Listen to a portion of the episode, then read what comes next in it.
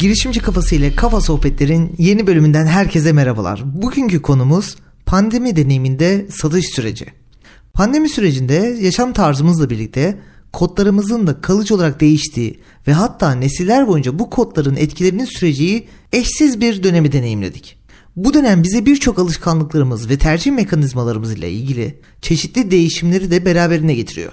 Her ne kadar fiziksel dünyada evlere kapanarak 20 yıl öncesine gidebilecek kadar temel ihtiyaçları tüketmeye ağırlık verip dijital anlamda da hiç olmadığımız kadar özgür bırakılarak 20 yıl sonrasına gidebilecek kadar teknolojik ihtiyaçları tüketmeye başlasak da hayat normalleşmeye başladığında açılan bu makasın kapanmaya başlayacağı aşikardır.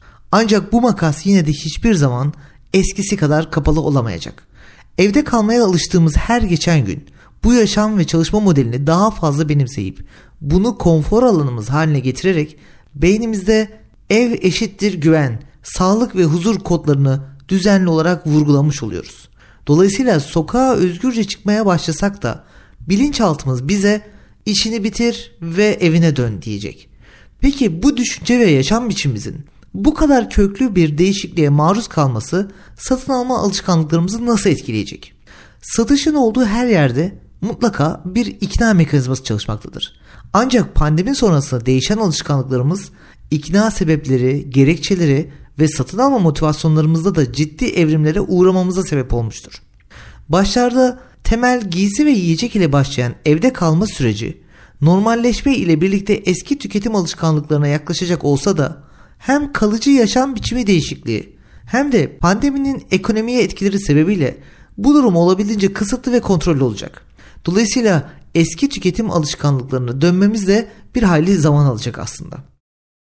Her savaş döneminde savaştan çıkış sürecinde insanların psikolojik olarak motive olmak ve kendini ödüllendirme ihtiyacı olarak lüks tüketimin arttığı gözlemlenmiştir. Bu durumda iç motivasyonu yeterli olmayan, üretim hazzı yaşayamayan ve psikolojik olarak toparlanmada zorluk çeken kişiler açısından bu dönemde geçerli olacağından lüks tüketime kısmen de olsa yansıması olacaktır. Ancak tabii ki yine ekonominin izin verdiği ölçüde. Ancak pandemi sonrası yaşanacak en büyük değişim iknanın şekli ve iletişiminde gerçekleşecektir.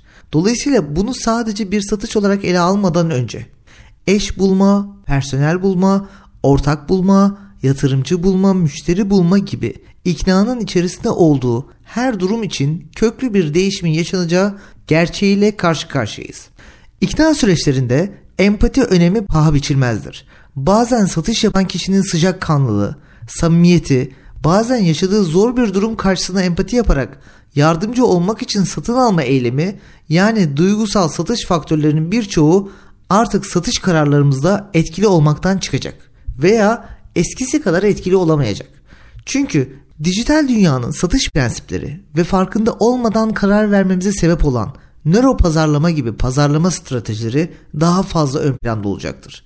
Teknoloji ve yazılım ile çok fazla vakit geçiren kişiler sosyal medya ile sanal dünyada aşırı aktif ve sosyal olsalar da fiziksel iletişimin kurulamadığı durumlarda gerçek dünyada çekingen tavırları sebebiyle asosyal olarak tanımlanırlar.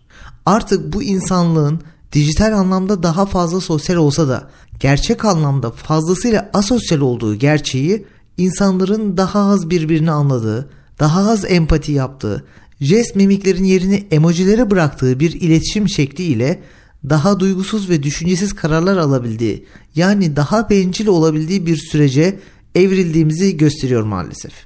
Bu sebeple iletişim odaklı, empati ve networking gibi etkenlere bağlı ilişkisel satış süreçleri kendisine daha çok iç motivasyon, kişisel tatmin ve iç huzura daha fazla yatırım yapılan bireysel satış süreçlerine yani satın alma kararlarına bırakacaktır. Pandemi süreçlerinde gerçekleştireceğimiz fiziksel alışverişlerde bile duygu ve empati yeteneği maske ile büyük bir engele takılmaya başlıyor.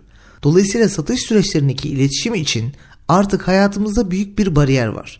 Satış yapan kişi açısından kendisi, duyguları, hayatı ve ürünün niteliği, kalitesi, markanın hikayesi bir nebze de olsa ikinci planda kalmaya başlayıp tüketici açısından doğrudan ne ifade ettiği, tüketicinin kendisi, ihtiyaçları ve duyguları birinci öncelik haline gelmeye başlıyor. Artık tüketicilerin şu üç temel davranışla tüketim yaptığını düşünecek olursak Birincisi kısa vadede temel ve zorunlu ihtiyaçlar.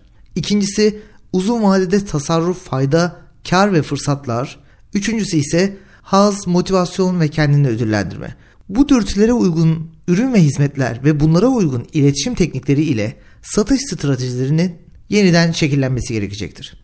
Dolayısıyla satışı yapılan ürün ve hizmetlerin bu beklentileri karşılayacak özelliklerin ön plana getirilmesi ve bu özellikleri üzerinden ağırlıklı iletişimin kurulması son derece önemlidir.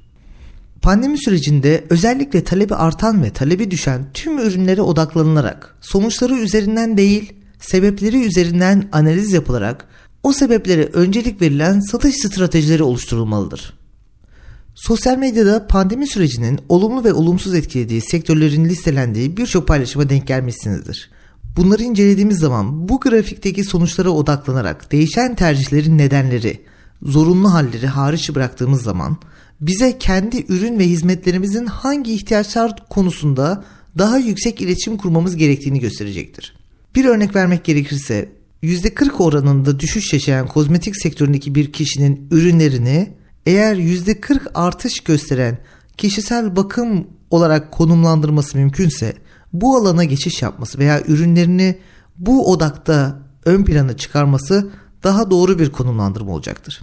Aynı şekilde %80 daralan oto kiralama sektörünün eğer bu sektörde yer alan şirketlerin ulusal market zincirlerine hizmet verecek şekilde araçlarını kiralar bu anlamda iletişim kurabilirlerse veya kobi lojistiği sağlayacak şekilde bir iş birliktelikleri oluşturabilirlerse bu tarz B2B anlaşmalarla çalışma şeklini değiştirmesi değişen alışkanlıklara veya tüketim şekline uyum sağlaması adına önemli bir adım olacaktır.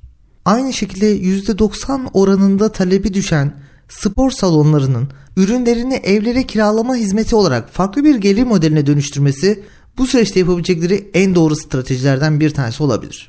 Tüm bu değişimleri, davranışları ve değişen alışkanlıkları göz önünde bulundurduğumuz zaman bulunduğu ortama ve şarta uyum sağlama insanoğlunun hayatta kalmasındaki en önemli özelliğidir. Bu sebeple şirketlerin de değişen süreçlerin geçmesini beklemek yerine ona en hızlı uyum sağlamaya çalışması hayatta kalmaları için en doğru adım olacaktır. Özetle her şirketin yapması gereken en önemli konu şu, analiz et, hızlı ol ve uyum sağla. Girişimci kafası ile kafa sohbetlerin yeni bölümünde tekrar görüşmek üzere.